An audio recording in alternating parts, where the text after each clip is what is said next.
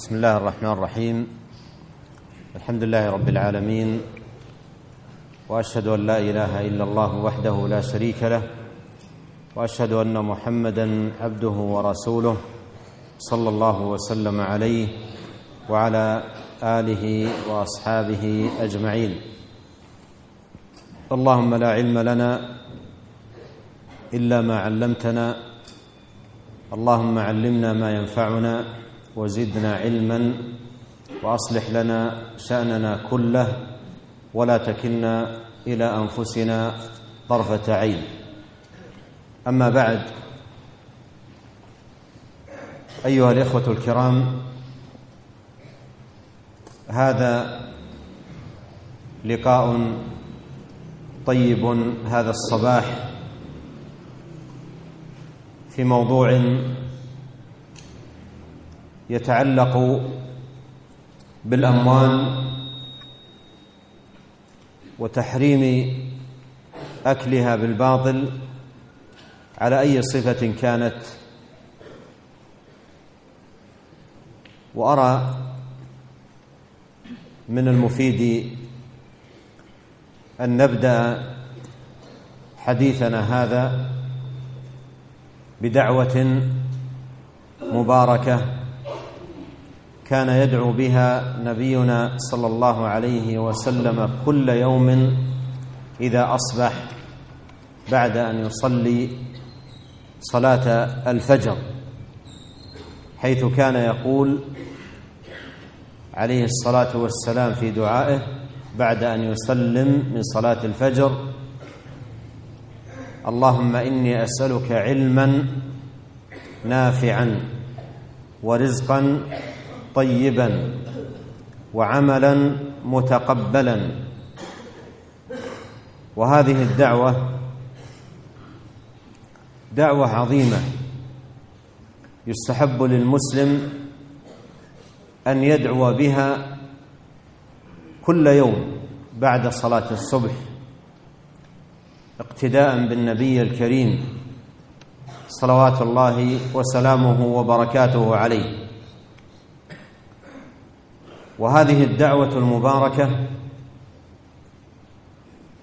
تحدد للمسلم أهدافه في يومه وأن المسلم ليس له في يومه إلا ثلاثة أهداف العلم النافع والرزق الطيب والعمل المتقبل.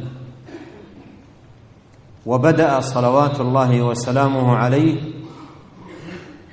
بالعلم النافع قبل الرزق الطيب والعمل المتقبل لأن العلم أساس لا بد منه في معرفة الأمور والتمييز بين طيبها وخبيثها صالحها وطالحها إذ لا يمكن أن يعرف الإنسان العلم النافع إذ لا يمكن أن يعرف الإنسان الرزق الطيب من الخبيث ولا العمل الصالح من غيره إلا بالعلم النافع. فالعلم النافع نور وضياء لصاحبه ولهذا يحتاج المسلم إلى معرفة بالعلم الشرعي الصحيح الذي يعرف من خلاله الحلال والحرام الجائز والممنوع المأمور به والمنهي عنه يعلم ذلك جيدا حتى تكون عباداته ومعاملاته واقعة على بصيرة وهدى من كتاب الله تبارك وتعالى وسنة نبيه صلوات الله وسلامه وبركاته عليه. أما إذا كان لا علم عنده كيف يميز بين الخبيث والطيب؟ وقد قيل قديما كيف يتقي من لا يدري ما يتقي؟ كيف يتقي الحرام من لا يعرف الحرام؟ لا بد من معرفته. ولهذا ولهذا من اللطائف ولهذا من اللطائف العلمية المفيدة. يذكر أن محمد ابن الحسن صاحب أبي حنيفة قال له نفر اكتب لنا كتابا في الورع قال كتبت كتابا في البيوع. كتبت كتابا في البيوع. مراده من ذلك أن أنك لا يمكن أن تكون ورعا متجنبا للاموال المحرمة والمكاسب المحرمة حتى تتعلم البيوع وما يذكر فيها من تفاصيل وبيان للمنهي عنه في البيوع لذاته والمنهي عنه في البيوع لوسيلته. فإذا كنت على علم بذلك مميزا بين الطيب والخبيث الحلال والحرام. بتعلم العلم تمكنت بعد ذلك من الإتيان بهذه المعاملات والبيوع ونحوها على بصيرة من الله. Assalamualaikum warahmatullahi wabarakatuh Segala puji bagi Allah Rabb alam semesta Kemudian aku bersaksi bahwasanya tiada ilah yang berhak diibadati secara benar kecuali Allah Subhanahu wa taala. Dan aku bersaksi bahwasanya Muhammad adalah utusan Allah. Semoga salawat dan salam tercurahkan pada beliau, pada sahabatnya dan orang-orang yang mengikutinya sampai yaumul qiyamah. Ya Allah, kami memohon padamu ya Allah ilmu yang bermanfaat. Untuk memberikan kepada kami ilmu. Kemudian memberikan kemanfaatan dari ilmu tersebut kepada kami. Kemudian berikanlah tambahan ilmu kepada kami. Kemudian perbaiki seluruh urusan kami. Dan janganlah ya Allah engkau serahkan diri kami kepada diri kami sendiri walaupun sekejap mata kemudian selanjutnya ini merupakan pertemuan yang sangat mulia pada pagi hari pada pagi hari yang penuh berkah ini di dalam membahas suatu pembahasan yang berkaitan dengan harta dan haramnya memakan harta dengan cara yang batil. Bagaimanapun bentuk bentuk dan coraknya. Dan merupakan suatu yang sangat bermanfaat kata beliau.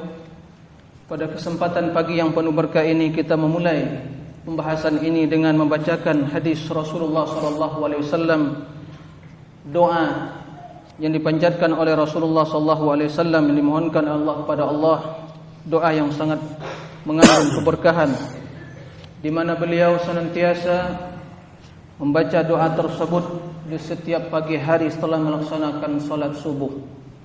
Doanya Allahumma inni as'aluka ilman nafi'a wa rizqan tayyiba wa amalan mutaqabbala.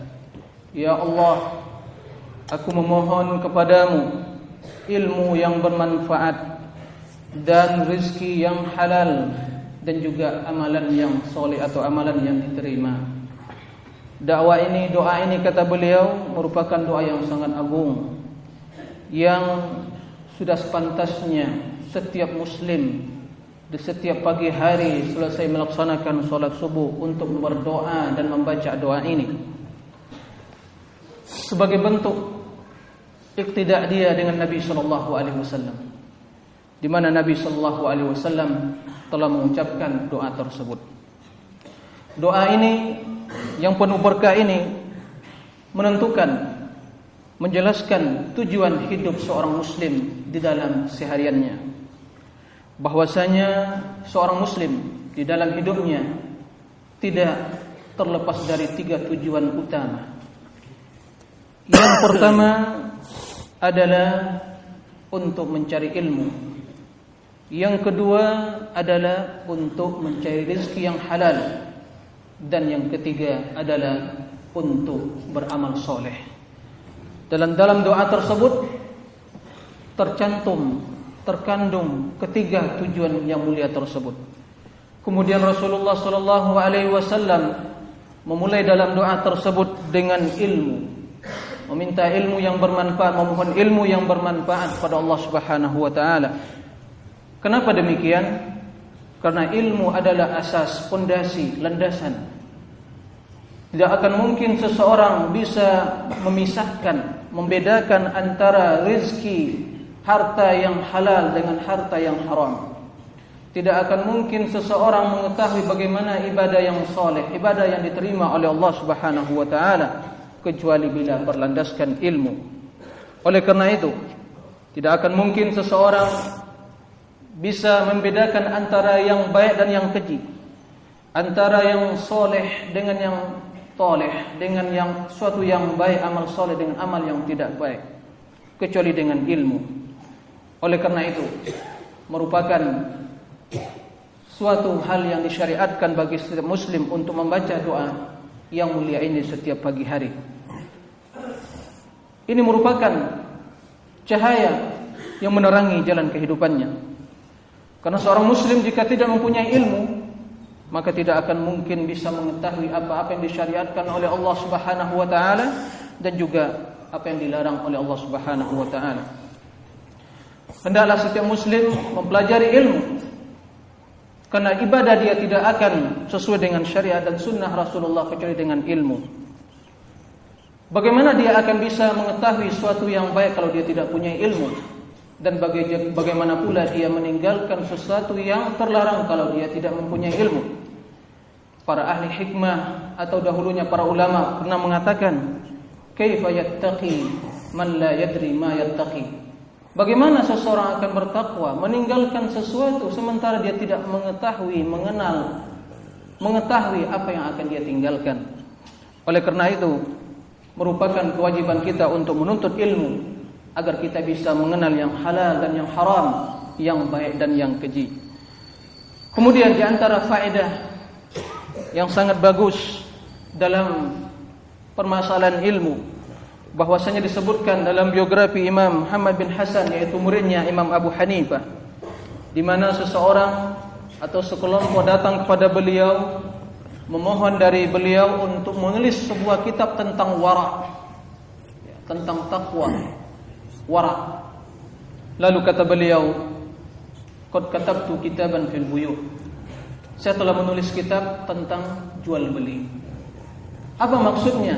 Kata Syekh, bahwasanya seseorang tidak akan mungkin bisa meninggalkan perkara-perkara yang haram dan itulah hakikat dari wara, ketakwaan, kecuali bila mengetahui transaksi-transaksi jual beli yang diperbolehkan dan yang diharamkan.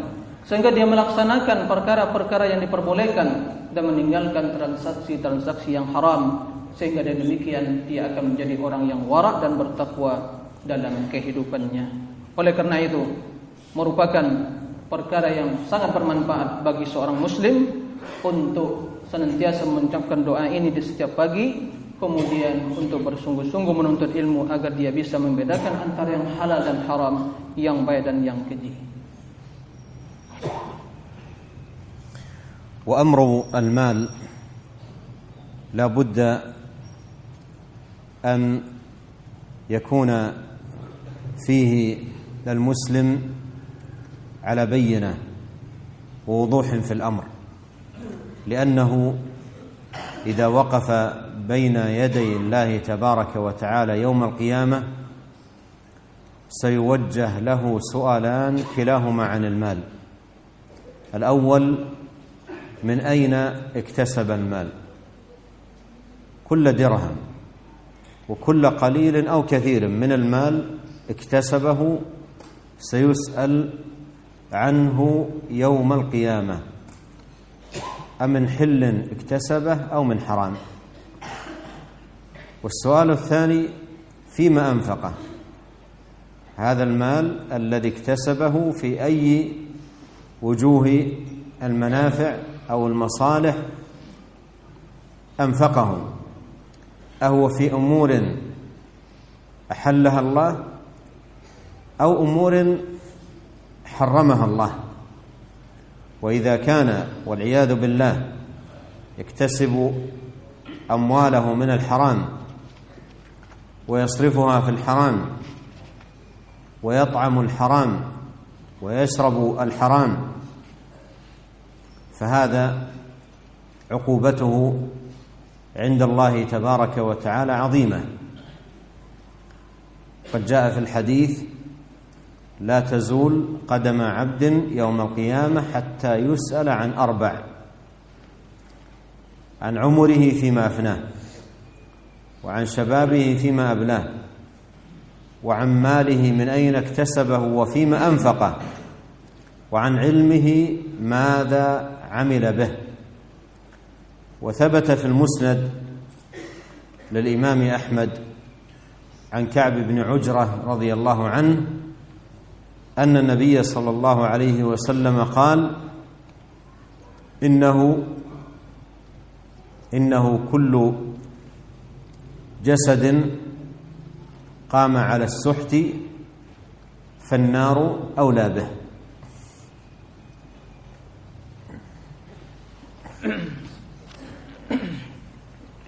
Kemudian Syekh Hafizahullah melanjutkan bahwasanya permasalahan harta ini permasalahan yang pantasnya seorang muslim untuk betul-betul berada di atas hal yang jelas.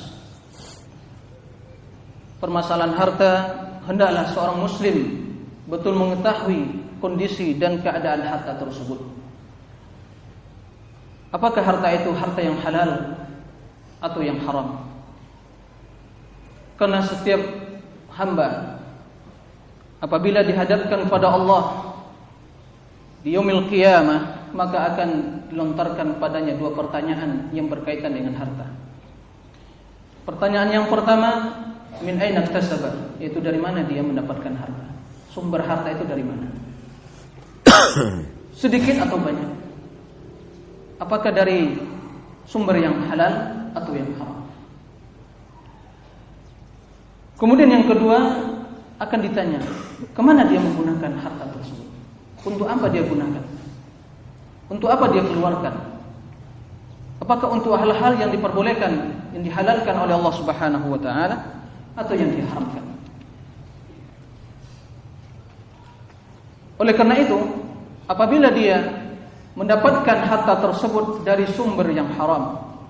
Dia memakan harta yang haram, meminum harta atau minum minuman yang haram, dan mengkonsumsi makanan atau makanan atau halal atau harta-harta yang haram, maka tentu ancamannya, azabnya sangat pedih di sisi Allah Subhanahu wa taala.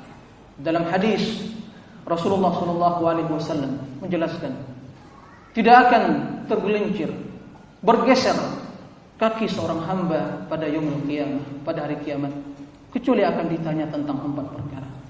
Yang pertama tentang umurnya, fima abla, atau fima afna. Ke mana dia Yang kedua tentang masa mudanya, ke mana dia habiskan. Yang ketiga tentang harta, min aina tasaba fima anfaq. Dari mana dia mendapatkan harta tersebut? Kemudian ke mana dia gunakan harta tersebut? Kemudian wa ilmihi mada ya'malu bi atau mada yu'mal. Ilmunya apa yang dia amalkan? Apakah dia telah mengamalkan ilmu yang dia pelajari atau tidak? Di dalam Musnad Imam Ahmad dari sahabat Ka'ab bin Ujrah Nabi sallallahu alaihi wasallam menjelaskan tidak satupun fisik atau badan atau daging yang tumbuh di atas suh yaitu suatu yang haram. Harta yang haram daging yang tumbuh disebabkan harta yang haram, makanan yang haram, maka tentu neraka yang lebih pantas tempatnya. وقد ثبت في صحيح مسلم من حديث عياض المجاشعي رضي الله عنه أن النبي صلى الله عليه وسلم خطب الناس ذات يوم وقال وقال وقال صلى الله عليه وسلم في خطبته إن ربي أمرني أن أعلمكم ما جهلتم. إن ربي أمرني أن أعلمكم ما جهلتم. ثم ذكر عليه الصلاة والسلام في خطبته تلك أهل النار. قال وأهل النار خمسة. وذكر منهم الخائن الذي لا يخفى له طمع وإن دق إلا خانه. ورجل لا يصبح ولا يمسي إلا وهو يخادعك عن أهلك ومالك. فذكر عليه الصلاة والسلام أهل هذين الوصفين وأنهما من أهل النار. الذي لا يخفى له طمع ومعنى لا يخفى له طمع أي لا يظهر له باب من أبواب الطمع التي يحصل من خلالها الأموال بأي صفة كانت.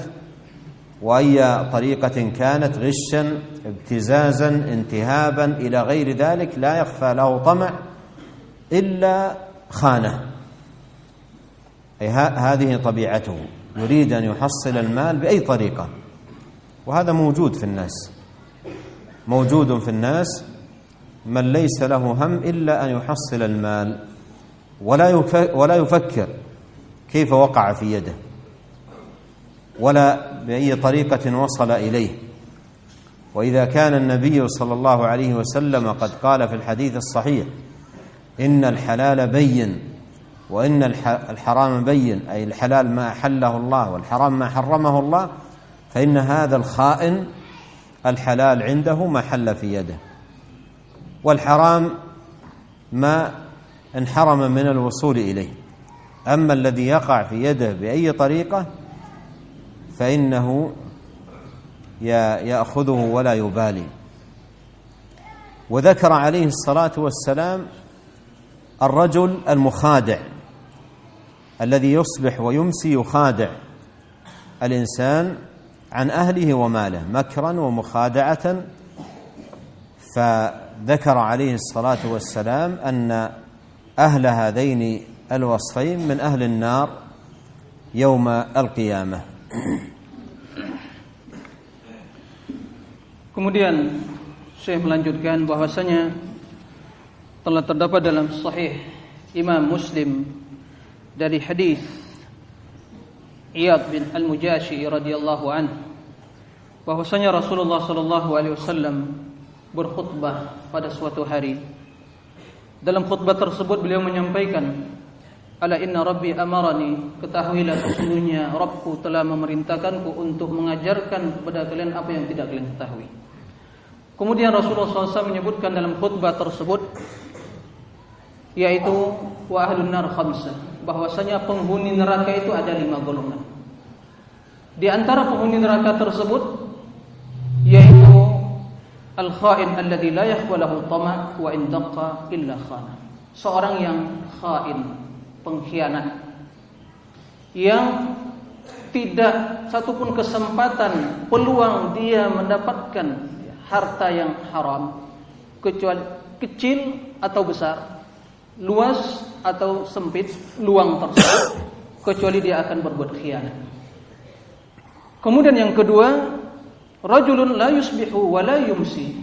Seseorang yang tidak berada di pagi hari dan di sore hari illa wa huwa yukhadi'u kecuali dia menipumu sifatnya penipu yukhadi' an ahlik wa malik tentang keluargamu dan juga harta yang pertama kata Syekh seorang yang pengkhianat di mana tidak satupun kondisi dan keadaan yang di dalam kondisi dan keadaan tersebut dia dapat peluang untuk berkhianat, maka dia akan lakukan. Dia tidak memikir. Dia tidak memikirkan harta ini punya dia atau punya orang. Yang penting kaidahnya, prinsip dia al halal mahalla biyadihi. Yang halal itu yang bisa di, dia pegang. Yang haram itu mahrima min.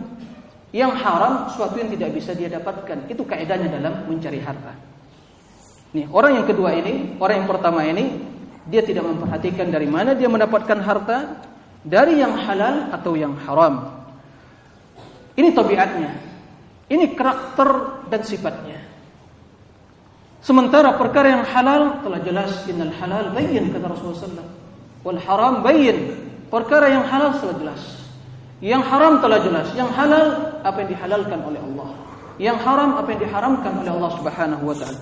Akan tetapi jenis tipe manusia yang pertama ini, tipikal manusia yang pertama ini yang halal apa yang bisa dia pegang, yang dia dapatkan karena bukan milik dia, yang haram apa yang tidak bisa dia dapatkan.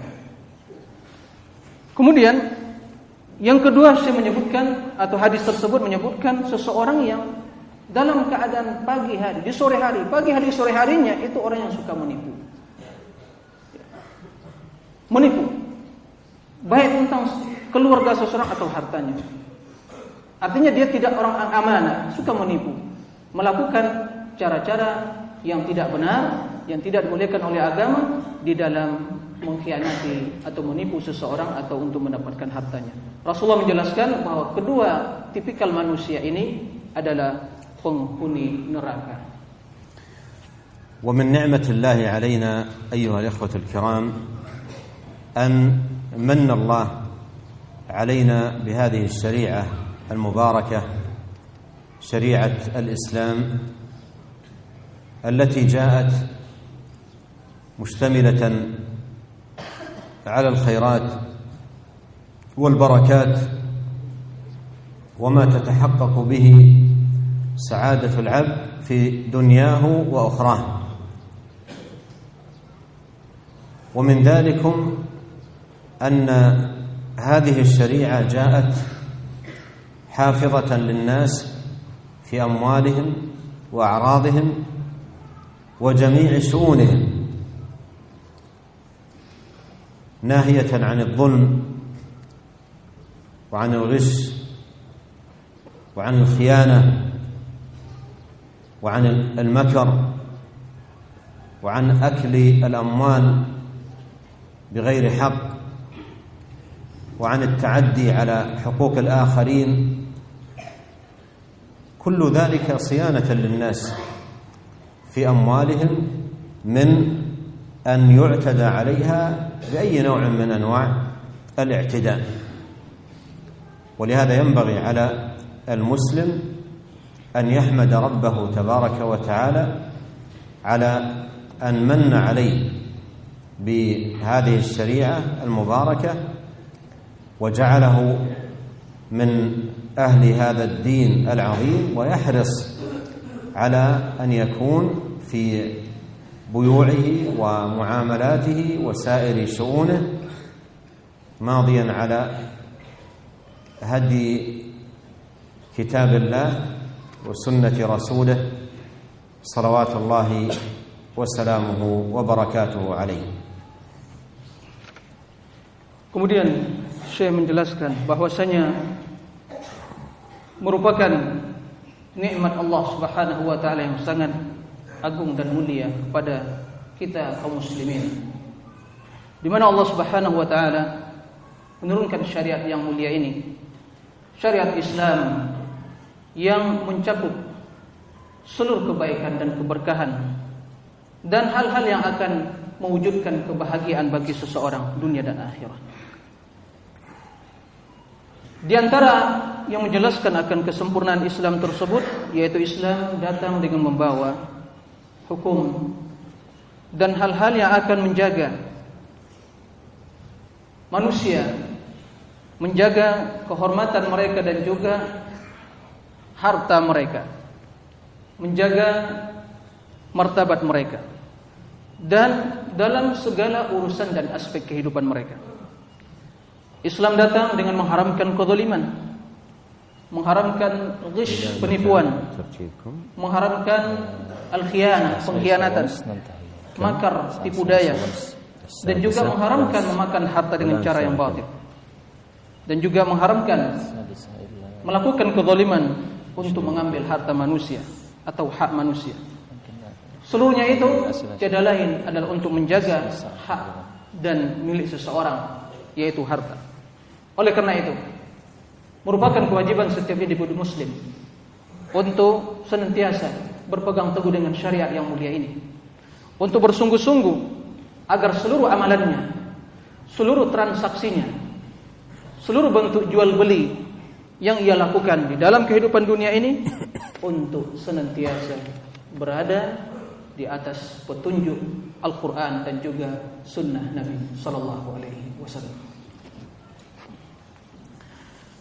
من الناس من هو ضعيف الإيمان ورقيق الدين ولا هم له إلا الدنيا حيث كانت الدنيا أكبر همه ومبلغ علمه.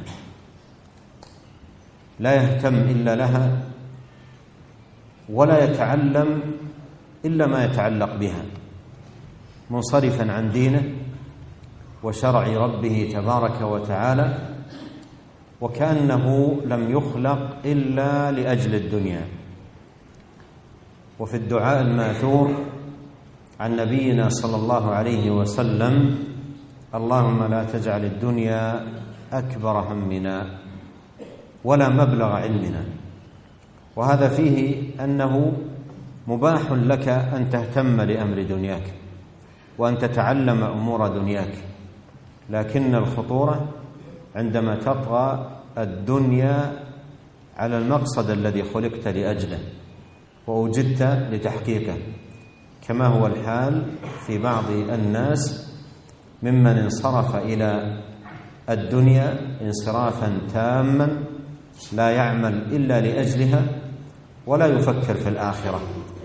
وفي هؤلاء يقول عليه الصلاة والسلام تعس عبد الدينار تعس عبد الدرهم تعس عبد الخميصه تعس عبد الخميله تعس وانتكس واذا شيك فلا انتقش Kemudian kata Syekh Hafizahullah Di antara manusia ada mereka yang lemah imannya dan sangat minim agamanya. Tiada keinginan dan tujuannya kecuali hanya dunia. Dunia merupakan tujuan dia yang paling besar. Dan juga itulah batasan keilmuannya. Dia tidak memperhatikan urusan akhiratnya. Dia tidak belajar kecuali hanya yang berkaitan dengan masalah dunianya, masalah materi. Dia berpaling dari agama, tidak mempelajari. Ilmu yang dipelajari hanya semuanya berurusan atau berkaitan dengan urusan dunia. Seolah-olah dia dilahirkan dan diciptakan untuk dunia. Sehingga dalam hadis Rasulullah SAW menjelaskan Allahumma la taj'al ad-dunya akbar hammina wa la mablagha ilmina. Ya Allah, jangan jadikan dunia ini yang merupakan keinginan kami yang terbesar, tujuan kami yang terbesar. Wala mablagha ilmina, hanya batasan keilmuan kami. Ilmu hanya sebatas urusan dunia saja. Ini kata Syekh, tidak melarang kita untuk mempelajari ilmu dunia. Akan tetapi yang terlarang adalah tatkala perkara dunia telah melebihi urusan akhirat sehingga seorang berpaling dari akhirat dan menyibukkan diri dengan dunia. Dia bersungguh-sungguh mencari harta, dinar, harta, duit, materi. Sehingga dalam sebagian hadis jelaskan Rasulullah SAW, ta'isa abd dinar, ta'isa abd dirham, yaitu celaka, merugi orang-orang yang hamba ya, bagi dunia, budak dunia. Menjadi budak dunia, dirham, kemudian ya segala kemewahan dunia. tujuannya hanya untuk dunia. Orang yang seperti ini kata Rasulullah SAW adalah orang yang celaka, orang yang merugi. Dia apabila diberi tidak akan bersyukur, apabila tidak diberi maka semakin celaka. Inilah karakter orang-orang yang menjadikan dunia sebagai tujuan hidupnya. والله سبحانه وتعالى أخبر عن المال أنه فتنة إنما أموالكم وأولادكم فتنة والله عنده أجر عظيم. فالمال فتنة. افتتن به خلق كثير. ومن الناس بسبب افتتانه بالمال باع دينه. كما في الحديث عن نبينا عليه الصلاة والسلام عندما ذكر الفتن وذكر الرجل يمسي مؤمنا ويصبح كافرا يبيع دينه لعرض من الدنيا يبيع دينه لعرض من الدنيا.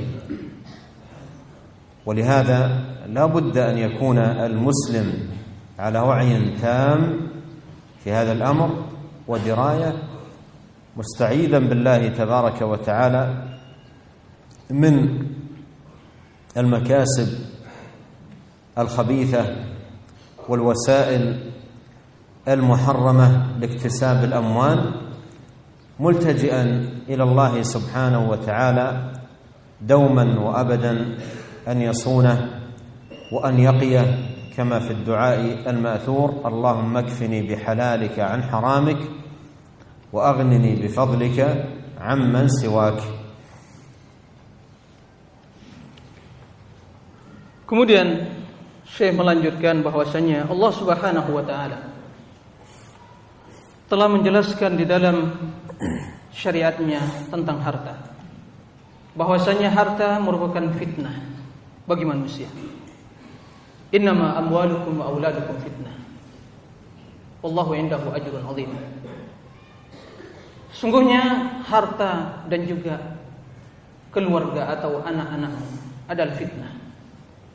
Dan apa yang ada di sisi Allah adalah kebaikan yang sangat besar. Telah banyak terfitnah. Manusia telah banyak terfitnah oleh harta. Sehingga Disebabkan oleh fitnah harta tersebut Sebagian menjual agamanya. Sebagaimana dalam hadis Rasulullah SAW menjelaskan Tentang fitnah yang akan muncul di akhir zaman Dijelaskan oleh Rasulullah SAW bahwasanya seseorang dia berada di pagi hari dalam di sore hari dalam keadaan beriman, kemudian di pagi hari dalam keadaan kafir. Tidak istiqomah di atas agamanya, berubah-ubah. Kemudian yabi'u dinahu bi ardi min dunya Dia menjual agamanya dengan keuntungan dunia yang sangat hina dina. Oleh karena itu, sudah sepantasnya seorang muslim untuk waspada dan berhati-hati dan mengetahui dan untuk senantiasa berlindung kepada Allah dan bergantung kepada Allah Subhanahu wa taala berlindung kepada Allah dari usaha-usaha yang haram dan juga sarana-sarana yang akan membawa kepada harta atau penghasilan yang haram. Dia senantiasa kembali kepada Allah dia senantiasa berlindung dan berserah diri kepada Allah senantiasa mengucapkan doa yang diajarkan oleh Rasulullah SAW Allah makfini bihalalika min haramik Ya Allah Berikanlah kecukupan kepadaku Dengan yang halal Dari melakukan yang haram Nah ولهذا فإن المال إذا اختل أمر الإنسان فيه أصبح له تأثيرا على الدين نفسه واخلالا بالإيمان نفسه. ولهذا يقول عليه الصلاة والسلام لا يزني الزاني حين يزني وهو مؤمن ولا يسرق السارق حين يسرق وهو مؤمن ولا يشرب الخمر حين يشربها وهو مؤمن ولا ينتهب نهبة يرفع الناس إليه فيها أبصارهم حين ينتهبها وهو مؤمن. فهذا يدل على أن المال سواء في طريقة اكتسابه وإليه الإشارة في قوله السارق والمنتهب أو في إنفاقه وإليه الإشارة في شرب الخمر والزنا لأن هذه تنفق فيها أموال محرمة. فهذا كله له تأثير. تأثير على إيمان الشخص تأثيرا بالغا. ولهذا لما ذكر عليه الصلاة والسلام المسلم والمؤمن في الحديث قال المسلم من سلم المسلمون من لسانه ويده والمؤمن من أمنه الناس على دمائهم وأموالهم.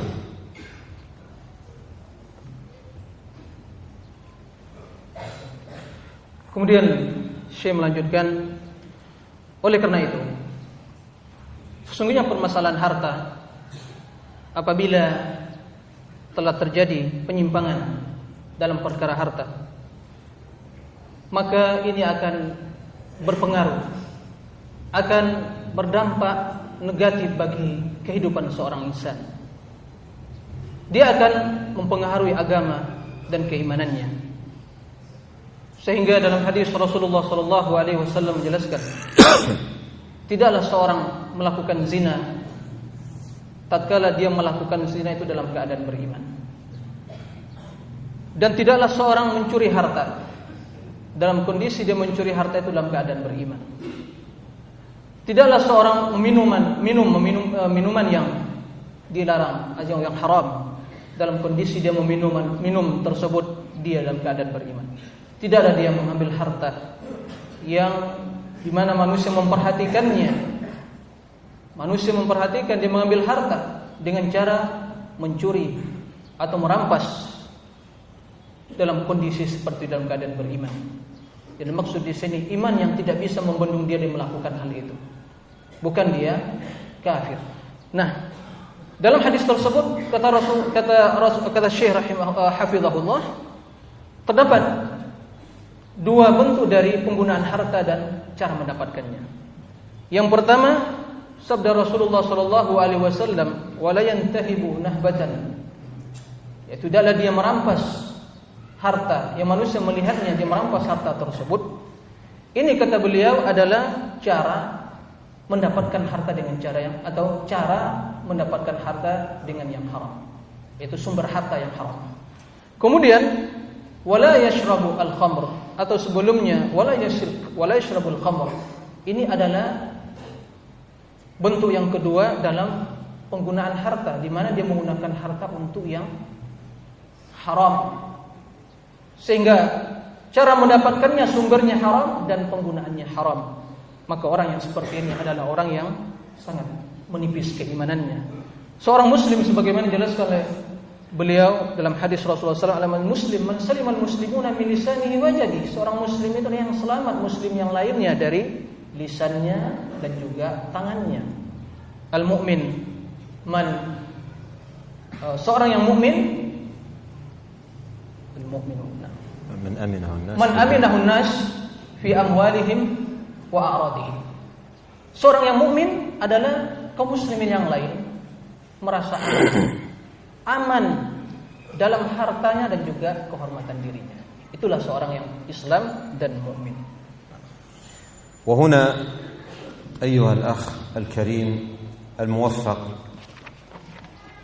تذكر قول الله تبارك وتعالى يا أيها الناس كلوا مما في الأرض حلالا طيبا ولا تتبعوا خطوات الشيطان إنه لكم عدو مبين. تنبه أن الشيطان له مع الإنسان خطوات في قضية المال. ولهذا أقول ناصحا ولا سيما للشباب والأبناء صغار السن احذر من البدايات. فإن أكابر المجرمين سطوا وانتهابا واعتداء وقتلا إلى غير ذلك كانوا في صغرهم أطفالا هادئين ليس فيهم هذه المعاني لكنهم أخذهم الشيطان خطوات خطوات وبدأ معهم ببدايات خفيفة وخطوات يسيرة ثم يأتي ما بعدها. فاحذر من البدايات. واحذر من أن يستجرك الشيطان. واحذر من خطوات الشيطان. ولتكن قاعدتك في هذا الباب قاعدة الشريعة العظيمة اتقاء الشبهات. وباتقائك الشبهات تضع بينك وبين الحرام حاجزا. قد قال عليه الصلاة والسلام إن الحلال بين وإن الحرام بين وبينهما أمور مشتبهات. فمن اتقى الشبهات فقد استبرأ لدينه وعرضه. ومن وقع في الشبهات وقع في الحرام. كالراعي يرعى حول الحمى يوشك أن يرتع فيه. ألا وإن لكل ملك حمى؟ ألا وإن حمى الله محارمه؟ ألا وإن في الجسد مضغة إذا صلحت صلح الجسد كله وإذا فسدت فسد الجسد كله ألا وهي القلب وفي الحديث دع ما يريبك. إلى ما لا يريبك. كن متورعا متعففا متجنبا للحرام متحليا بالصبر. وقد قال نبينا عليه الصلاة والسلام إنما العلم بالتعلم وإنما الحلم بالتحلم ومن يتحرى الخير يعطى. ومن يتوقى الشر يوقى وقال عليه الصلاه والسلام من يستغني يغنه الله ومن يستعفف يعفه الله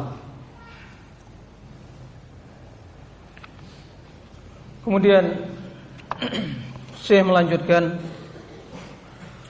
pada kesempatan ini wahai saudaraku yang mulia Allah Subhanahu wa taala telah memerintahkan kita dan memperingatkan dari jalan-jalan syaitan.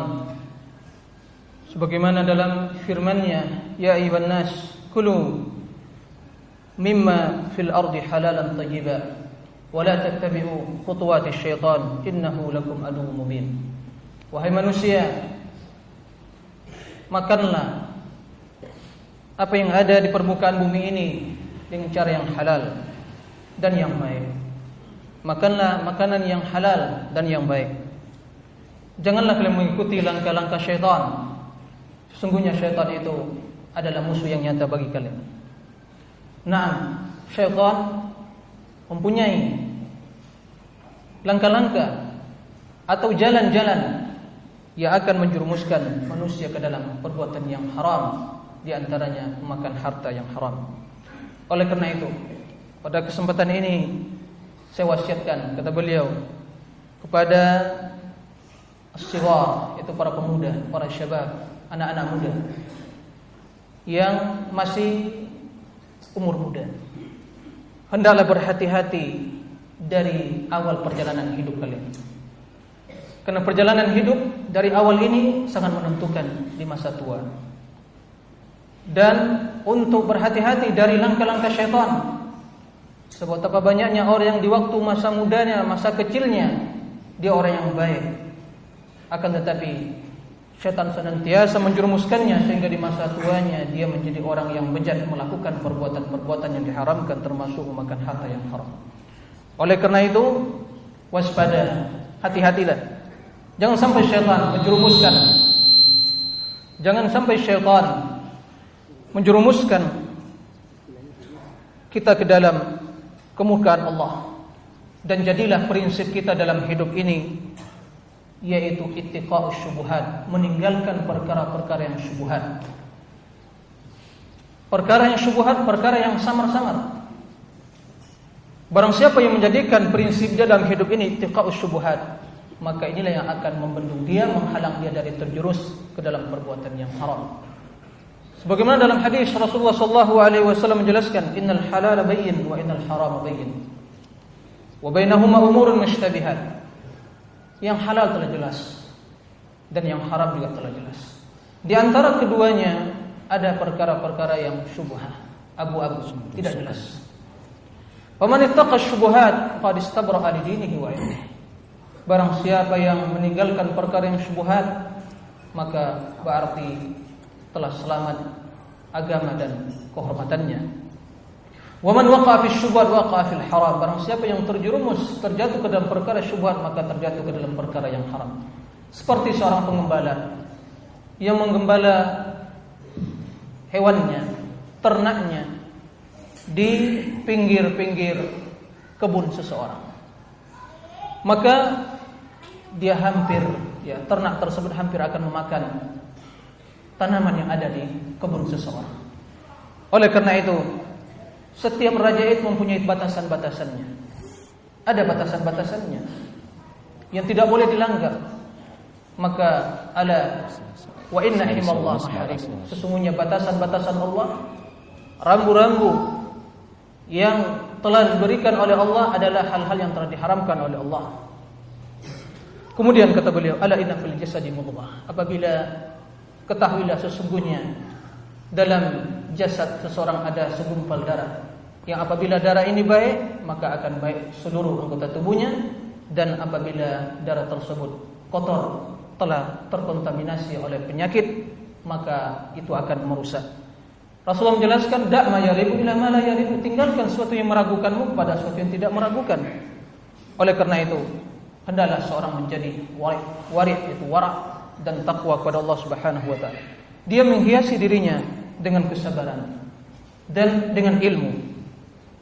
Tentu ilmu dan kesabaran tidak akan diperoleh kecuali dengan berusaha. Rasulullah menjelaskan innamal ilmu bitta'allum wal hilmu bittahallum. Sesungguhnya ilmu itu didapatkan dengan belajar dan sifat hilm, santun, bijak, tidak tergesa-gesa.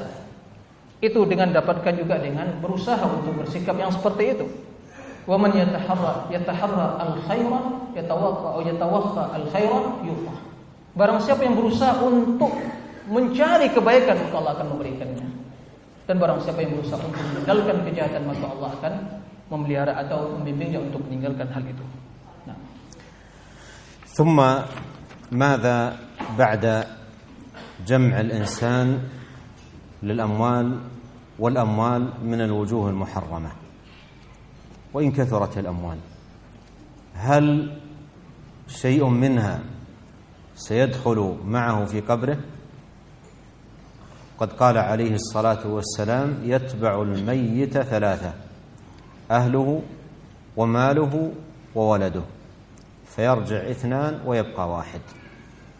لا يدخل معه في قبره إلا عمله. صالحا كان العمل أو سيئا. وإذا كان المال الذي جمعه مالا حراما والطعام الذي أكله حراما إما حراما لذاته أو حراما للمال الذي تحصل به على ذلك الطعام فإن هذا كله سحت وكل جسد على السحت أو قام على السحت فالنار أولى به.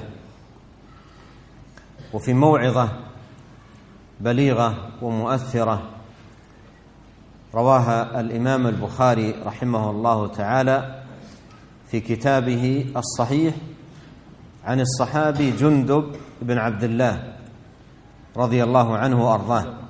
قال إن أول ما ينتن من الإنسان بطنه. إن أول ما ينتن من الإنسان بطنه فمن استطاع ألا يأكل إلا طيبا فليفعل فمن استطاع ألا يأكل إلا طيبا فليفعل Kemudian kata Syekh Hafizahullah setelah manusia atau seseorang mengumpulkan harta yang berlimpah ruah dari bermacam sumber yang tidak jelas atau yang haram. Kemudian dia telah memiliki harta yang berlimpah ruah. Lalu apa yang bisa dia manfaatkan atau apa manfaat setelah itu? Apakah harta tersebut akan dibawa ke alam kubur, ke kuburannya? Apakah harta tersebut akan menyertai dia pada hari kiamat? Oleh karena itu dalam hadis kata Rasulullah SAW, apabila meninggal seseorang, maka akan ya, mengikutinya tiga uh, tiga manusia atau tiga bentuk, tiga perkara. Yang pertama keluarganya, yang kedua hartanya, yang ketiga amalannya. Yang dua keluarganya atau orang yang mengantarnya ke kuburan. Dan hartanya itu akan kembali. Dan yang akan bersama dia di alam kubur adalah amalannya. Jika amalannya baik, maka tentu kenikmatan yang ia akan dapatkan. Jika amalannya jelek, tidak baik tentu kesengsaraan wal azab dan azab wal billah. Oleh karena itu, harta yang haram, makanan yang haram, baik pada dasarnya, pada prinsipnya, pada asalnya harta itu haram. Atau harta pada halal tapi digunakan untuk mendapatkan yang haram. Maka itu merupakan bentuk dari as-suh yaitu hal yang haram. Maka setiap jasad, setiap fisik yang tumbuh dari harta yang haram, maka neraka yang pantas baginya. Mari kita perhatikan sebuah mau'izah yang diriwayatkan Imam Bukhari dalam kitab sahihnya dari Jundub bin Abdullah radhiyallahu anhu seorang sahabat Nabi sallallahu alaihi wasallam beliau mengatakan awwalu ma yuntinu minal insan batnu. Pertama sekali yang akan membusuk dari fisik kita adalah perut kita. Nah oleh karena itu kata beliau faman istata'a ta'a faman istata'a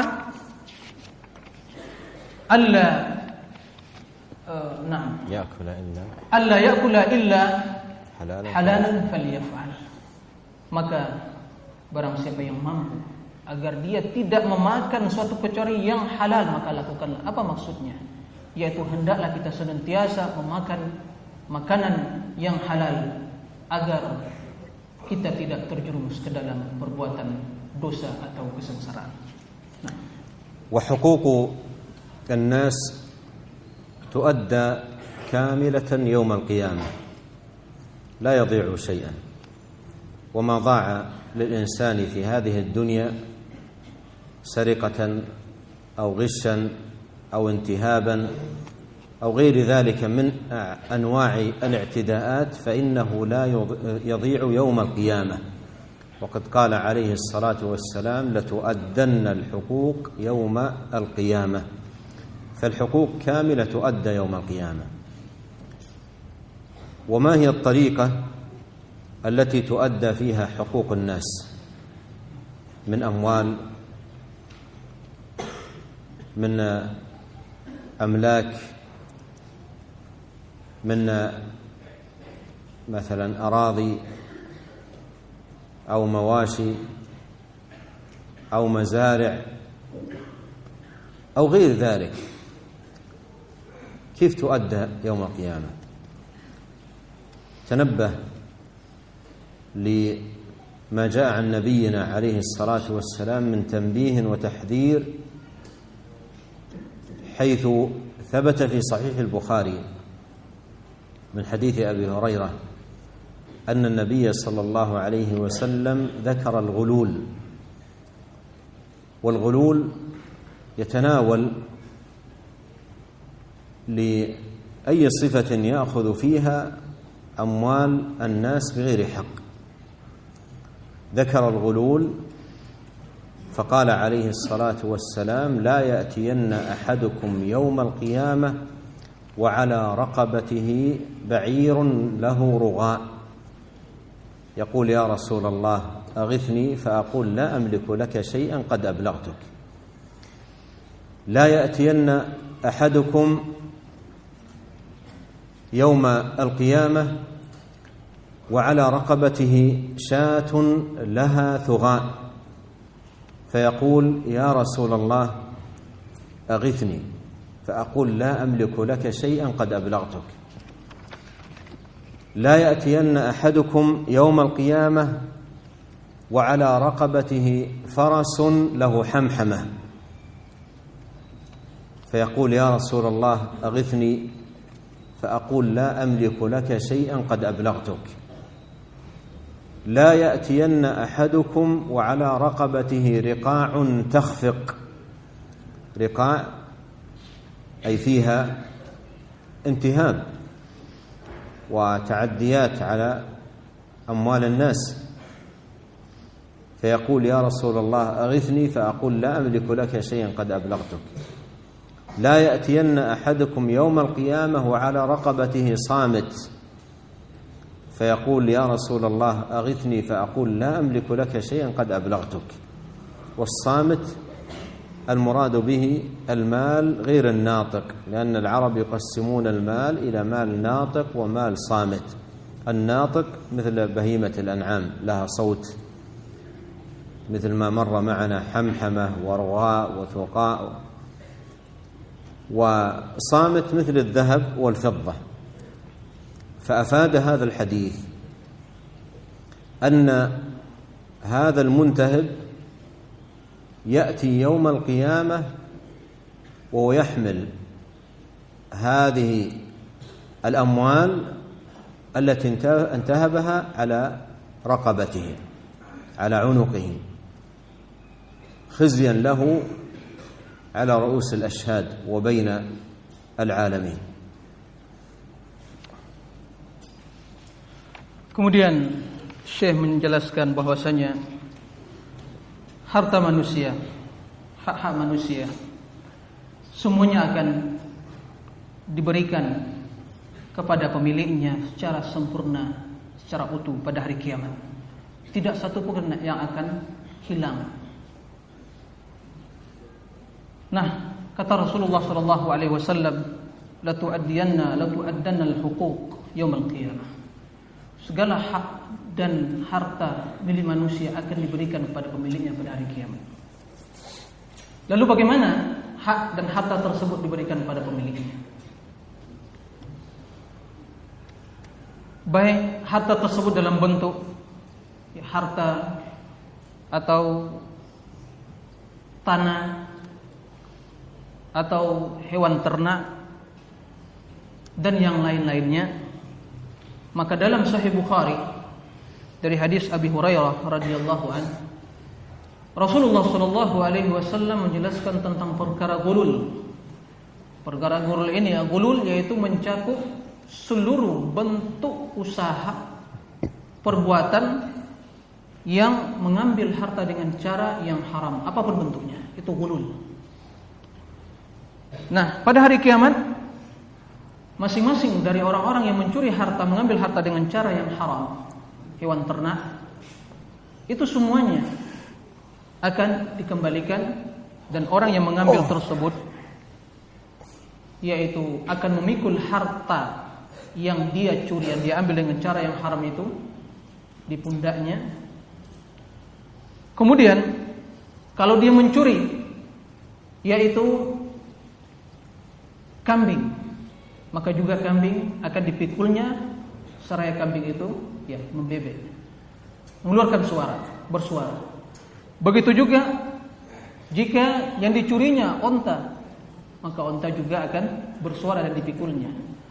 Begitu juga jika dia mencuri hewan-hewan yang lain kuda maka kuda akan dipikulnya dengan mengeluarkan atau dengan dia sembari bersuara mengeluarkan suaranya Begitu juga jika seseorang mengambil harta dengan cara yang zalim, apa pun bentuk kezaliman tersebut dengan cara yang haram, maka dia akan memikul harta tersebut.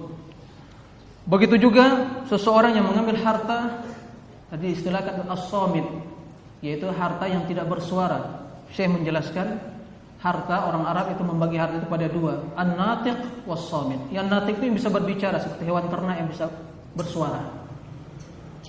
Yang kedua as-samit, yang dia tidak berbicara seperti harta uh, emas dan perak. Yang penting yang tidak bisa berbicara. Kesemuanya itu pada hari kiamat.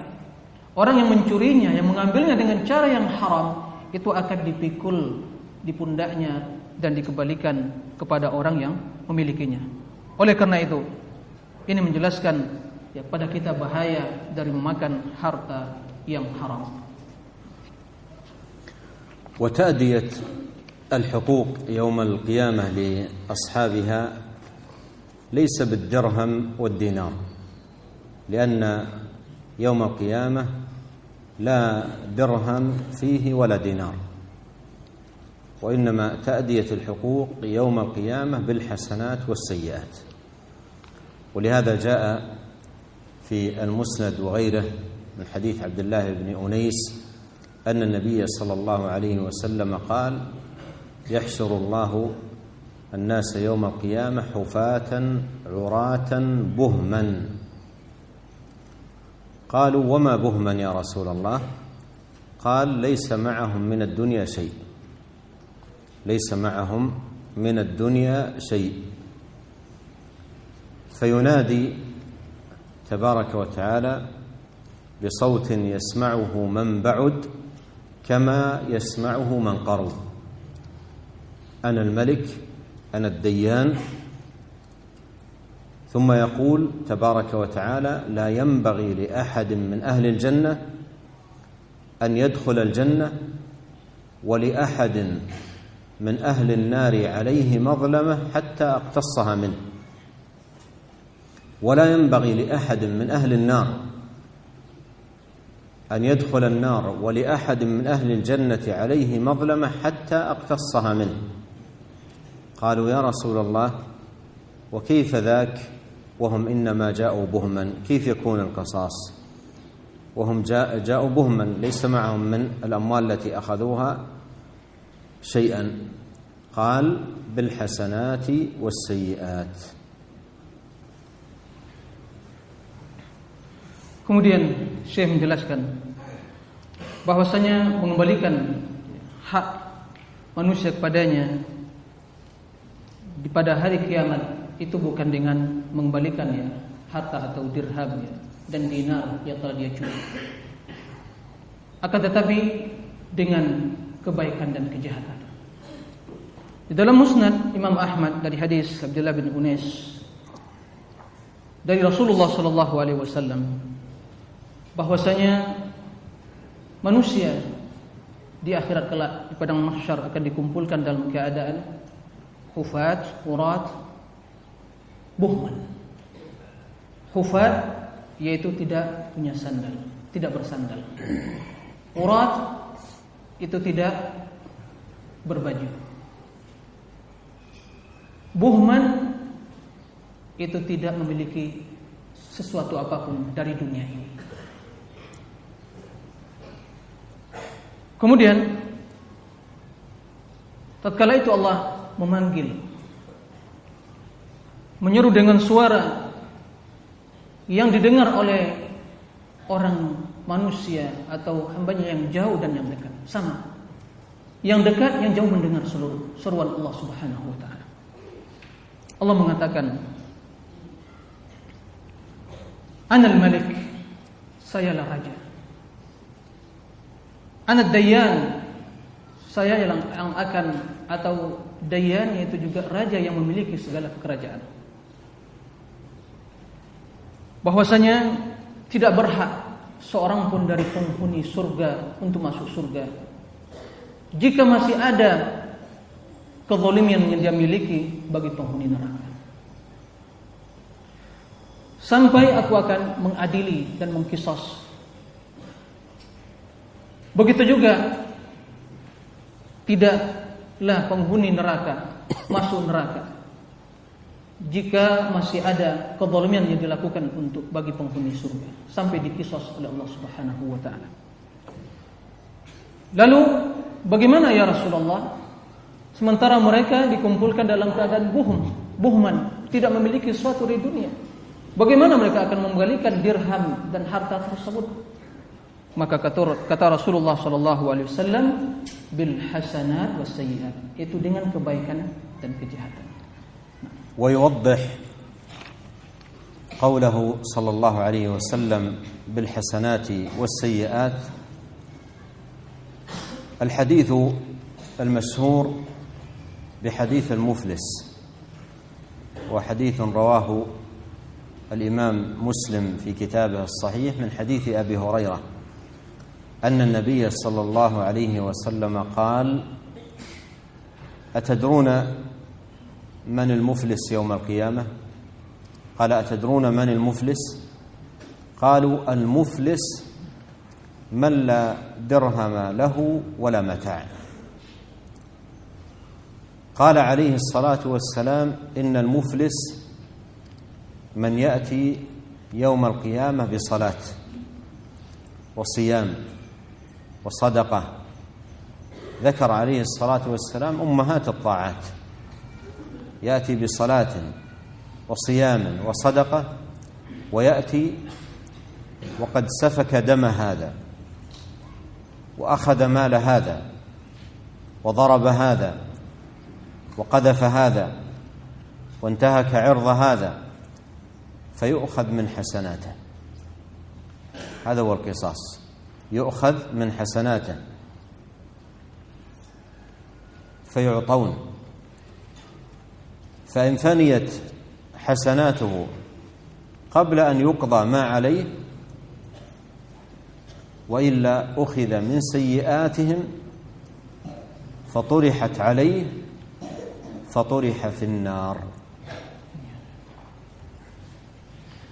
Kemudian kata Syekh di antara yang menjelaskan maksud dari sabda Rasulullah sallallahu alaihi wasallam bahwa qisas pada hari kiamat itu dengan bil hasanat was sayyiat. Hadis yang masyhur dikenal dengan hadis al-muflis, hadis orang yang bangkrut.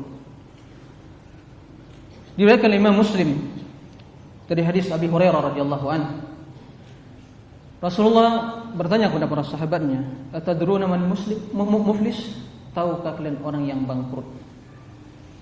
Orang yang merugi. Para sahabat bertanya, menjawab, al-muflis. Yang muflis itu di kalangan kami adalah orang yang tidak punya duit, tidak punya dirham, tidak punya harta. Itu yang orang yang bangkrut, orang yang merugi. Lalu Rasulullah SAW menjelaskan, yang muflis itu adalah seseorang yang pada hari kiamat datang dengan membawa amal solatnya Kemudian puasa, sedekah. Rasulullah menyebutkan amal-amal ibadah yang mulia, ketaatan-ketaatan yang agung. Akan tetapi dia datang sedang ia telah menumpahkan darah si fulan dan mengambil harta si fulan, mengambil memukul si fulan, mendoliminya, menyebutkan kedoliman-kedoliman yang dia lakukan. Maka kata Rasulullah sallallahu alaihi wasallam diambil kebaikan dia itu diberikan kepada orang yang dizaliminya. Inilah kisah. Inilah kisah makna dari bil hasanat was sayyiat. Diambil kebaikannya itu diberikan kepada orang yang dizaliminya. Jika telah habis kebaikannya lalu ternyata kezaliman yang dia lakukan belum tuntas, belum terkisah seluruhnya, maka kejahatan orang yang dizaliminya itu diberikan kepadanya kemudian diseret dan dilemparkan ke neraka. Waliyadzubillah.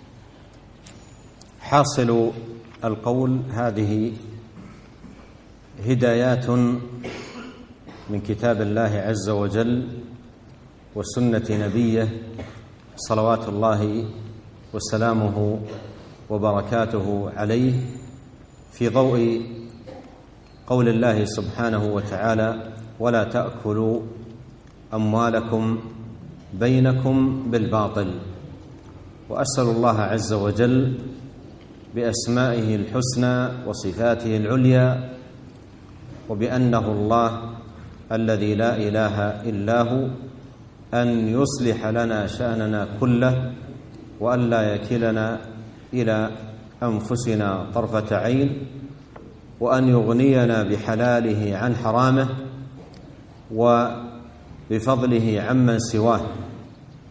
اللهم اكفنا بحلالك عن حرامك وأغننا بفضلك عمن سواك. ونسأله تبارك وتعالى أن يصلح لنا ديننا الذي هو عصمة أمرنا وأن يصلح لنا دنيانا التي فيها معاشنا. وأن يصلح لنا آخرتنا التي فيها معادنا وأن يجعل الحياة زيادة لنا في كل خير والموت راحة لنا من كل شر. اللهم أصلح ذات بيننا وألف بين قلوبنا واهدنا سبل السلام وأخرجنا من الظلمات إلى النور. وبارك لنا في أسماعنا وأبصارنا وأزواجنا وذرياتنا وأموالنا وأوقاتنا واجعلنا مباركين أينما كنا. اللهم اغفر لنا ذنبنا كله دقه وجله أوله وآخره سره وعلنه.